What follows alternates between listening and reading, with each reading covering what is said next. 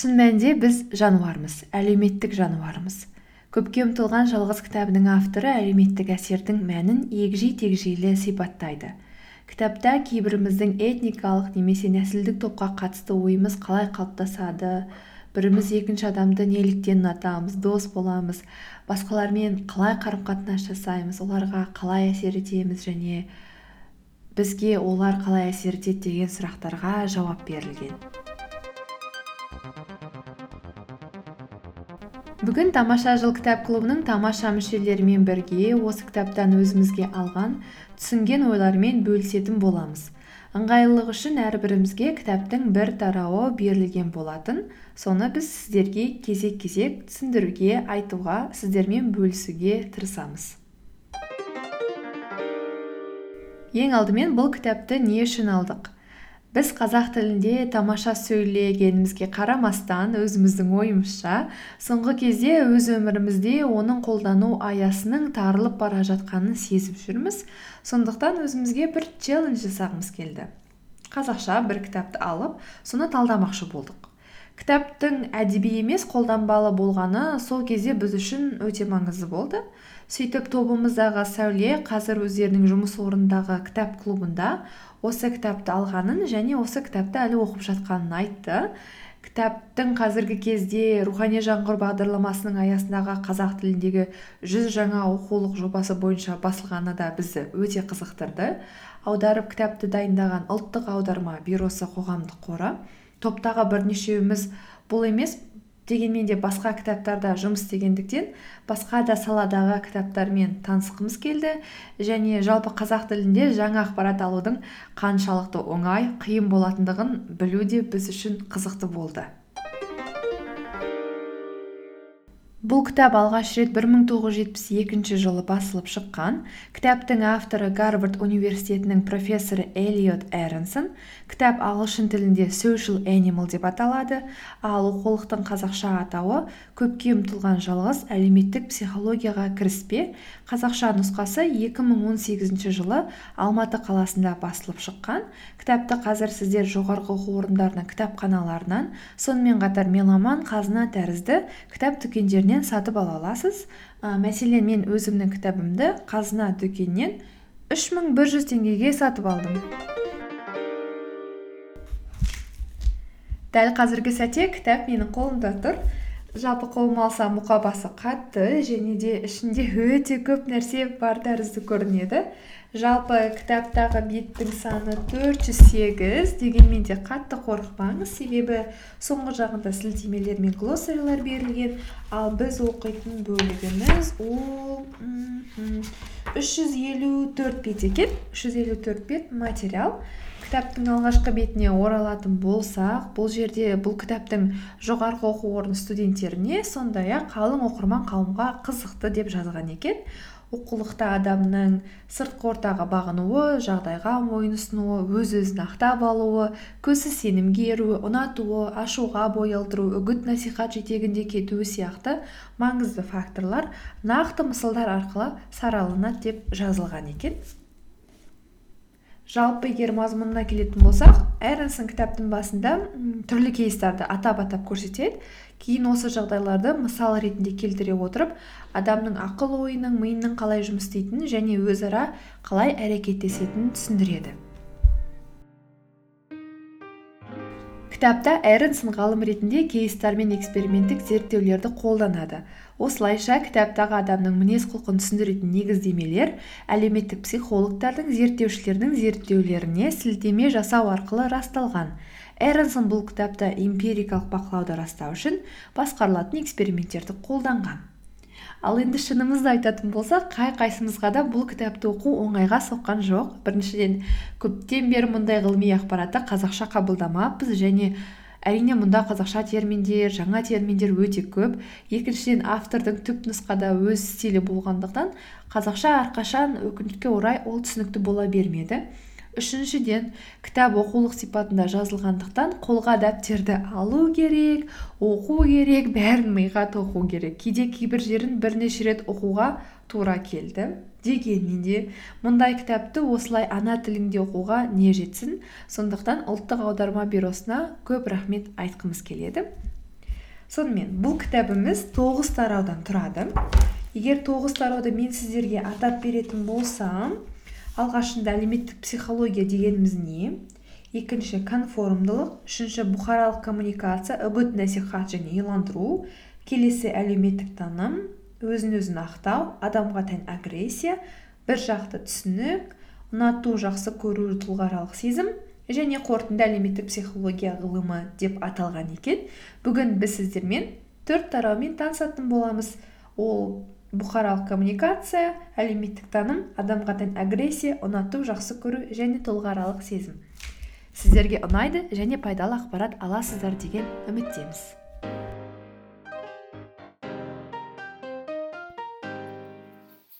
Сәлем тамаша жылдың тамаша тыңдармандары менің есімім сәуле. Сіздермен бүгін рухани жаңғыру бағдарламасы аясында аударылған әлеуметтік психологияға кіріспе болып табылатын көпке ұмтылған жалғыз деген кітаптың үшінші тарауы бұқаралық коммуникация үгіт насихат иландыру деген тарауына шағын сапар жасаймыз. Кітап авторының айтуы бойынша 21 ғасырды ғаламтор әлемді жаһандық ауылға айналдырды дейді. Біз қазір жаппай иландыруға құлшынған дәуірдің адамдарымыз.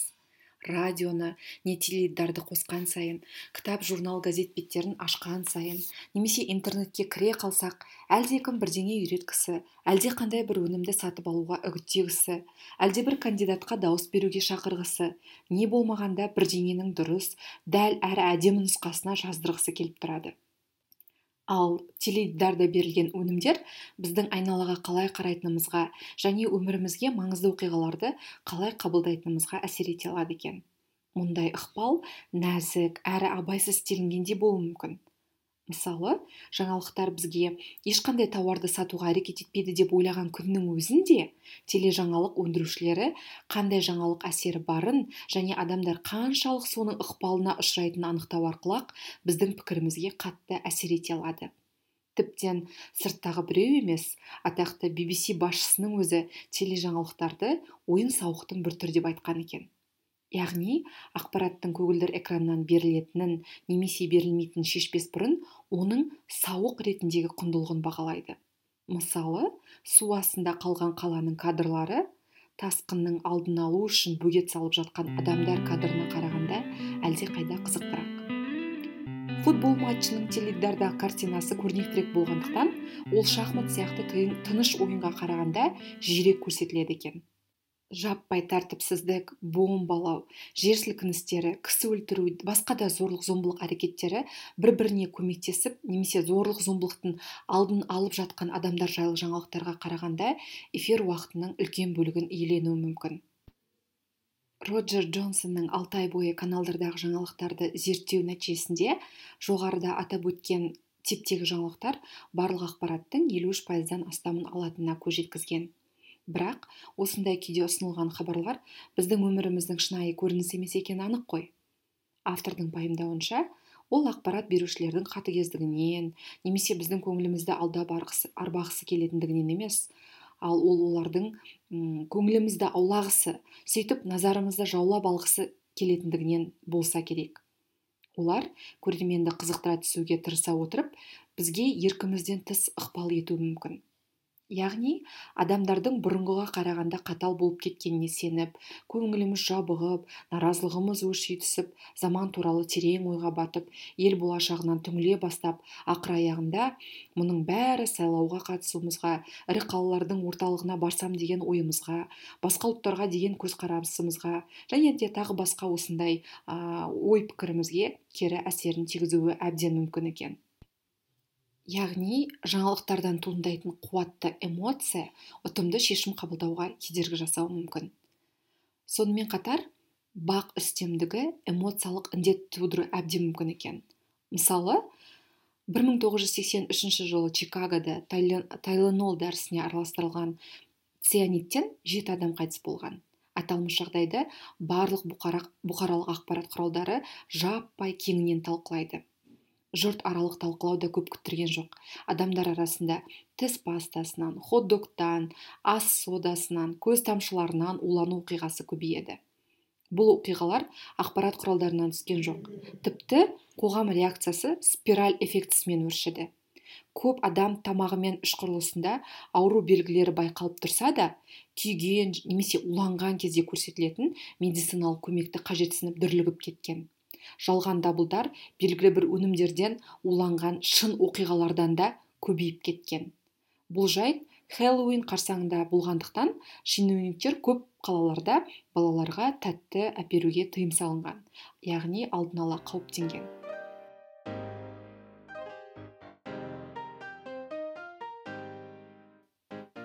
Ал әдейі сендіру туралы не ойлайсыз? Бұқаралық ақпарат құралдары арқылы тауарларды әдемілеп қаптап сату әрекеттері қаншалықты сенімді әрі тиімді? Әрине ерекше тиімді иә? Әйтпесе корпорациялар немесе саяси ә, тауарлар өздерінің өнімін жарнамалау үшін жылына неліктен қаншама миллион доллар ақша жұмсайды? Балалардың теледидардан көрген ойыншық немесе тәтті дәмділерді дүкен сөресінен бірден танып әпер әпер деп сұраған кездері талай басыңыздан өткен шығар. Дегенмен зерттеулер баланың жасы ұлғайған сайын өзіндік пікірі қалыптасып жарнамадағы ақпаратқа сенімділік көрсету пайызы азаятынын байқаған. Яғни адам неғұрлым сауатты болса соғұрлым күмәншіл. Ал күмәншіл адамдар өздерінің осы қасиеті оларды илана беруден сақтайтын қалқан қалыптастырады деп ойлайды екен.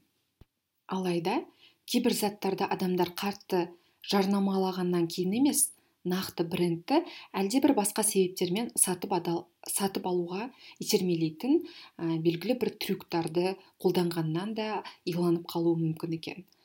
Мысалға бас жазатын а дәріні жарнамада үкіметтік сынамаларда а дәрісі тиімді әрі пайдалы екендігі туралы айтылды деп бірнеше мәрте айтуы мүмкін.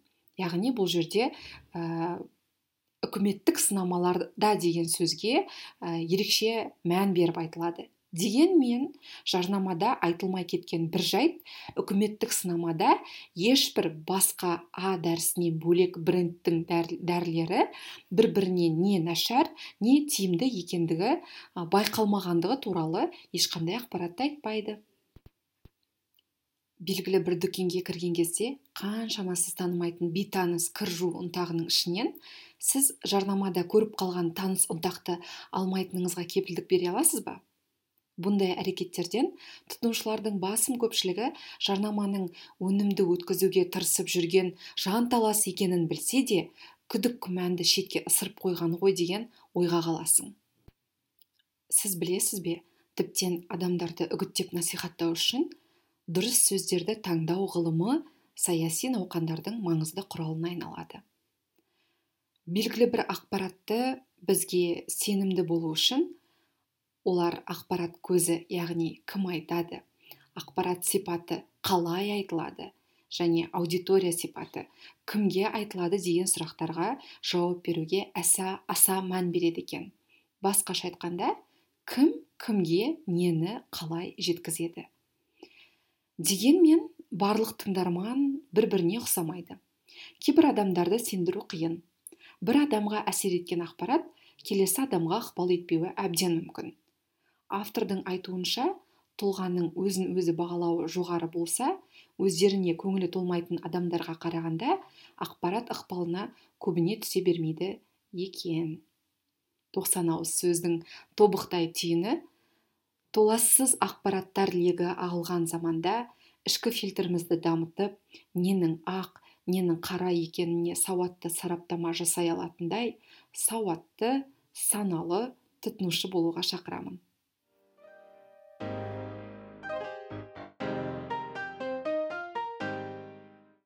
Сәлем менің есімім динара және де мен осы social animal арнсон эллиоттың қазақшаға аударылған көпке ұмтылған жалғыз атты кітабын бірге қыздармен оқыдым және де маған талқылауға айтуға алтыншы бөлім берілді. Алтыншы тарауда автор негізінен агрессия деген не оған анықтама береді және де агрессия инстинктілі түрде бола ма деген сұраққа жауап беруге тырысады. Одан кейін қаншалықты агрессияның қажеттілігі бар туралы ой қозғайды. Одан кейін агрессияның себептерін анықтап беруге тырысады. Және де ең соңында осы агрессия туралы айтып келе оны азайтудың жолдары бар ма сол жайлы айтады. Кейін жалпы әлеуметтік психологтар олар агрессия дегенді агрессиялық әрекетті физикалық және психологиялық тұрғыдан қинау мақсатында қасақана жасалған іс әрекеттер деген анықтама береді деп айтады. Осы кітапта қызық болғаны бұл агрессия тек ер адамдарға ғана тән емес бұл әйелдерге де тән екенін көрсетеді. Бір есте қалған мысалдарының бірі бұл ер адамдар олар физикалық агрессияға бейім болса әйел адамдар олар психологиялық эмоциялық агрессияға бейім келеді деп айтады. Және де әйел адамдардың бұл жерде манипуляция немесе түрлі өсек немесе әлеуметтік желідегі бір біріне комментарийлер қалдыру арқылы агрессиясын көрсетуі маған бір кішкене ойландырды мені. Одан кейін автор бұл агрессияның инстинктілі түрде адаммен адамда туа пайда бола ма деген сұраққа жауап іздейді. Және де бұл жерде көптеген шимпанзелермен жануарлармен жасалған эксперименттерді мысал келтіреді. Бірақ үшін оның әлеуметтік ортасы үлкен роль ойнайтындығын айтады. Ол және туа пайда болмайды. Бұл адамдар әлеуметтік білім арқылы түрлі іс әрекеттерін үйренеді дейді. Осы тұрғыда ол кішкентай балалармен жасалған экспериментті мысалға келтіреді. Оларға кішкентай балаларға ересектердің қуыршақпен ойнаған мысалын көрсетеді. Және де ересектер қуыршақпен агрессиялы түрде ойнап оны ұрып соғып сондай үлгі көрсетеді. Және де кейін қуыршақты балаларға берген кезде олар ересектерге қарағанда одан да көбірек агрессия көрсетіп қуыршақпен ойнайды дейді. Бұл әлеуметтік білімнің бір түрі дейді. Және де тек қана ересектерден ғана емес бұқаралық ақпарат құралдары да балаларды агрессиясын ашық білдіруге мүмкіндік береді дейді. Және де бұл жерде зорлық зомбылық туралы фильмдер сондай шоу бағдарламалар көрген балалар олар агрессияға көбірек жаңағы жол береді деп айтады. Осы тұрғыда бейне ойындарды да мысал келтіреді ол туралы эксперимент жасаған. Және де бұл экспериментте бір топ колледж студенттеріне 20 минут бойы осындай зорлық зомбылыққа толы жаңағы бейне ойындарды ойнатады. Және де одан кейін көрші бөлмеде алдын ала экспериментпен дайындалған адамдар ұрсып төбелесіп жатқан сондай дауыстарды шығарады. Және де және де тағы да бір екінші топ болады. Оларға жаңағы қалыпты ондай бейнебаяндарды бейне ойындарда зорлық зомбылығы жоқ басқа ойындарды ойнатады. Және де екі топты салыстырған кезде зорлық зомбылыққа толы бейнебаяндарды ойнаған адамдар балалар олар көрші бөлмеде болып жатқан оқиғаға мүлде ешқандай реакция бермейді.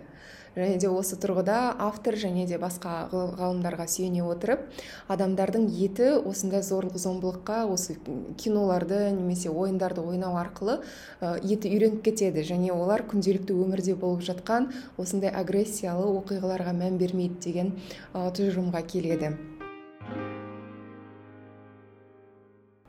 Және де осы зорлық зомбылықтар туралы жаңағы айта келе автор ең соңғы бөлімін агрессияның азайту немесе оның алдын алу шешімдерін ұсынады.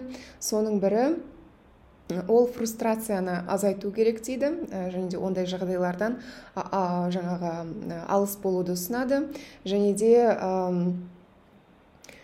және де автордың айтуы бойынша рационалдық негізде немесе адамның санасына әсер ету арқылы бұл агрессияны азайтуға болмайды. Себебі агрессияның қалыптасатын бастау алатын кезі ол балалық шақ деп балалық кезде пайда болады дейді. Және де балалық кезде ол адамның санасына әсер ету кішкене қиындау. Сол себепті басқа да жаңа құралдарды пайдалану керек деген ұсыныс айтады. Және де соның бірі мысалы жаза ол ешқандай әсер етпейді қатаң жаза бұл тек қана уақытша әсер етуі мүмкін. Және де оны байқап қолданбаса болашақта кейбір не кері нәтижеге алып келуі мүмкін дейді. Бұл жайлы тағы да бір эксперименті ол түрмедегі ә, жаңағы адамдар туралы. Ә, бұл жерде мерзімінен бұрын ерте босатылған адамдармен өздерінің мерзімдерін соңына дейін өтеп өткен адамдарды жаңағы шын өмірде бақылаған және де бұл зерттеу нәтижесі көрсеткендей ерте жіберілген адамдар қайтадан қылмыстық істі қайталауы жаңағы азырақ болған жаңағы өздерінің мерзімін соңына дейін атап өткен адамдарға қарағанда. Және де адамның жаңағы агрессиясының алдын алу үшін балама мінез құлық үлгілерін мадақтауды ұсынады. Яғни мысалы кішкентай бала кезінде кейбір балалар олар агрессия немесе сондай дөрекі мінез құлық көрсетсе оған тәрбиешілер немесе ата аналары көбірек көңіл бөледі деген жаңағы жаңсақ пікір қалыптастыруы мүмкін. Сол себепті де олар осындай әрекеттерін қайталай береді дейді. Сол себепті өздерін тәртіпті жақсы ұстайтын балаларды үлгі етіп қайта қайта соларға мән беруін жаңағы ұсынып ал жаңағы басқа дөрекі мінез немесе агрессия танытатын балаларға мән бермеуді ұсынады. Және де осы эксперимент нәтижесінде шынымен де агрессиялы балалар өздерінің іс әрекетін жаңа қайталамаған дейді. Және де тағы да бір агрессияның алдын алудың жолы. Үнемі осындай әрекеттердің орынсыз екенін еске салып отыру керек дейді.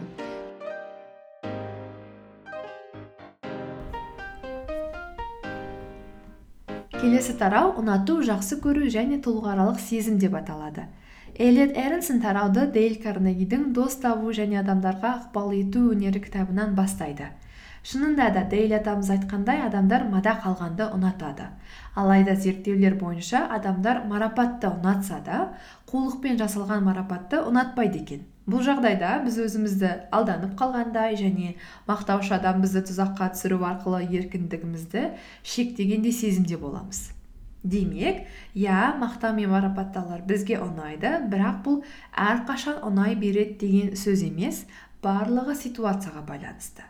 Біреуге ұнау үшін оған пайдаңды тигізе беру де дұрыс емес.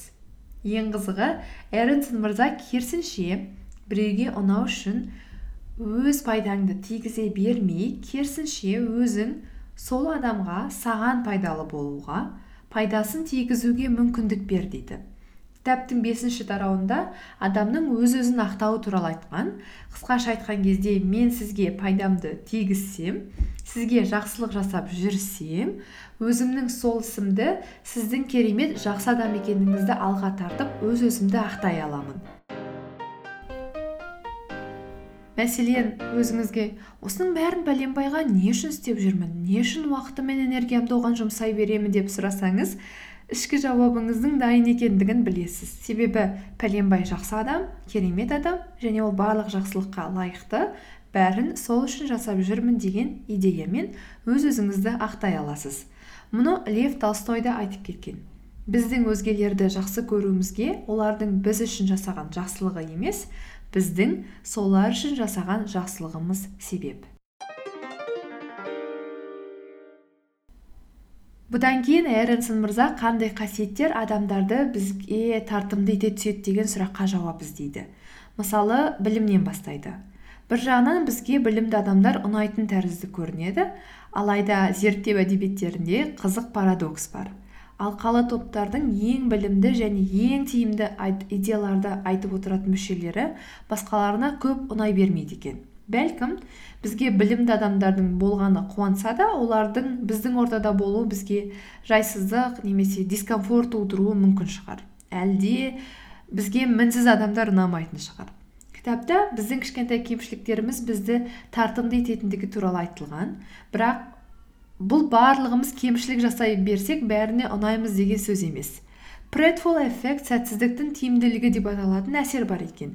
Біздің ойымызша өте мінсіз жетік адамдардың жасаған кемшіліктері оларды тартымды ете түседі. Ал орташа адамдар қателескен кезде бізге олар одан әрі ұнамсыз бола түседі екен.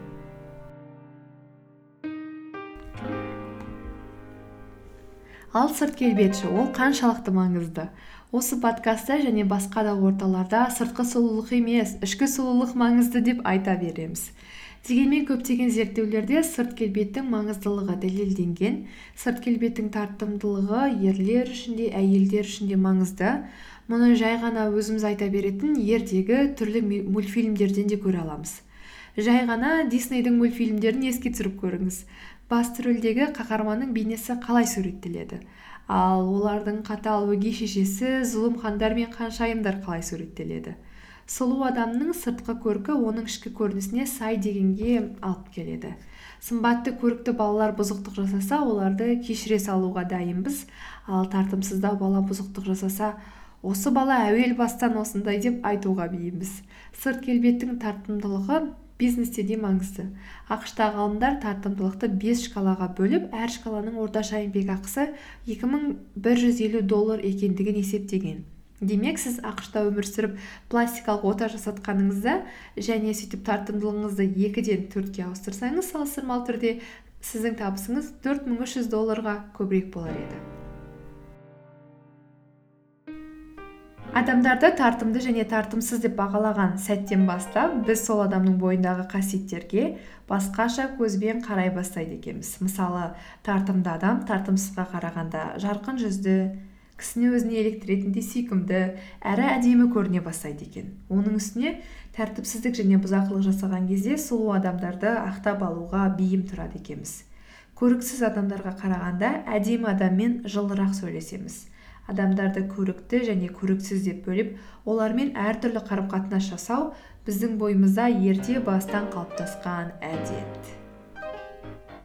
Келесі көзқарастарымыз ұқсайтын адамдар бізге тартымдырақ көрінуі мүмкін екен. Біріншіден бізге өз көзқарасымызбен пікірімізбен келісетін адамдар өте ақылды терең ойлы болып көрінеді екен. Ал ақылды адаммен сөйлескен әрқашан қызықты әрі пайдалы ғой. Екіншіден біз өзіміздің көзқарасымыздың қоғам үшін маңызды екендігіне сене бастаймыз. Бұл да марапаттың бір түрі. Бізге өзімізбен келісетін адамдар ұнайды. Біреуді ұнатуымызға ықпал ететін ең маңызды факторлардың бірі сол адамның бізді ұнатуы екен. Сіз маған ұнағаныңызды білген соң мені де сырттай ұнатып қаласыз. Біреуге ұнайтынына сенген жүрек жылырақ болады. Ал ұнатудың шкаласы ары қарай өзіміздің сенімсіздігіміз бен әлсіздігімізге де байланысты екен. Тәжірибеден мынаны байқаймыз. Өзіміз сенімсіз болған сайын бізді ұнататын және бізді мақтайтын адамдарды көбірек ұнатамыз көбірек қалаймыз. Сенімсіз адам кез келгеннің баурауына көнгіш ал сенімді таңдағыш келеді. Адам өзіне сенімді болған сайын мұқтаждығы да азырақ болады. Яғни кездейсоқ адамның сөзіне көп илана қоймайды. Өзіне сенімсіз адамдар өзіне ұнаған адамды таңдауға жүрегі дауаламай тартымсыз серікті де таңдауы мүмкін. Алдында айтқанымыздай бізді ұнататын адамдардың көпшілігі бізге де ұнайды. Бұл сізді таңғалдырмаған болар бірақ ең қызығы уақыт өте келе ықыласы артқан адамдар бізге көбірек ұнайды. Басында негативті қатынаста кейін біртіндеп позитивті қатынасқа ауысқан адам әрқашан позитивті болған адамға қарағанда бізге көбірек ұнайды екен. Енді ғашық болу туралы айтсақ көптеген зерттеулер адамдардың бір біріне ғашық болуының басты факторы жақындық екенін алға тартады. Адамдар көне заманнан бері жақын үңгірдегі көрші үйдегі бірге оқитын бір дүкенде бір кеңседе бір зауытта жұмыс істейтін адамдарға ғашық болып бірге өмір сүрген. Екінші маңызды фактор ұқсастық. Құндылықтарымыз көзқарастарымыз сенімдеріміз бен жеке қасиеттеріміз ұқсас адамдар біздерге көбірек ұнайды. Ары қарай бір бірінен сыр жасырмай ашық сөйлесу адамдардың арасындағы қарым қатынасты нығайта түседі. Ең бастысы мұнда шынайылық.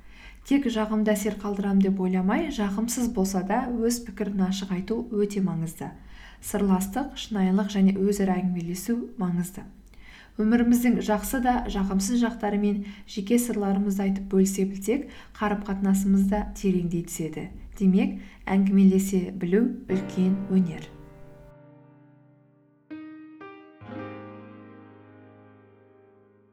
Сіз тамаша жыл подкастының жүз екінші эпизодын тыңдадыңыз. Бұл эпизодта біз эллиот эренсонның social animal кітабының қазақша нұсқасы көпке ұмтылған жалғыз әлеуметтік психологияға кіріспе кітабының үш тарауын талдадық. Төртінші тарауды әлеуметтік таным немесе ағылшынша нұсқасында social cognition деп аталатын бөлігін әлеуметтік антрополог индира келесі жүз үшінші эпизодта сіздерге талдап айтып беретін болады. Кітап қызықты болса кітапты алып танысып оқып көріңіздер. Уақыттарыңыздың зая кетпейтініне және жаңа білім алатындарыңызға біз сенімдіміз. Келесі кездескенше сау болыңыз.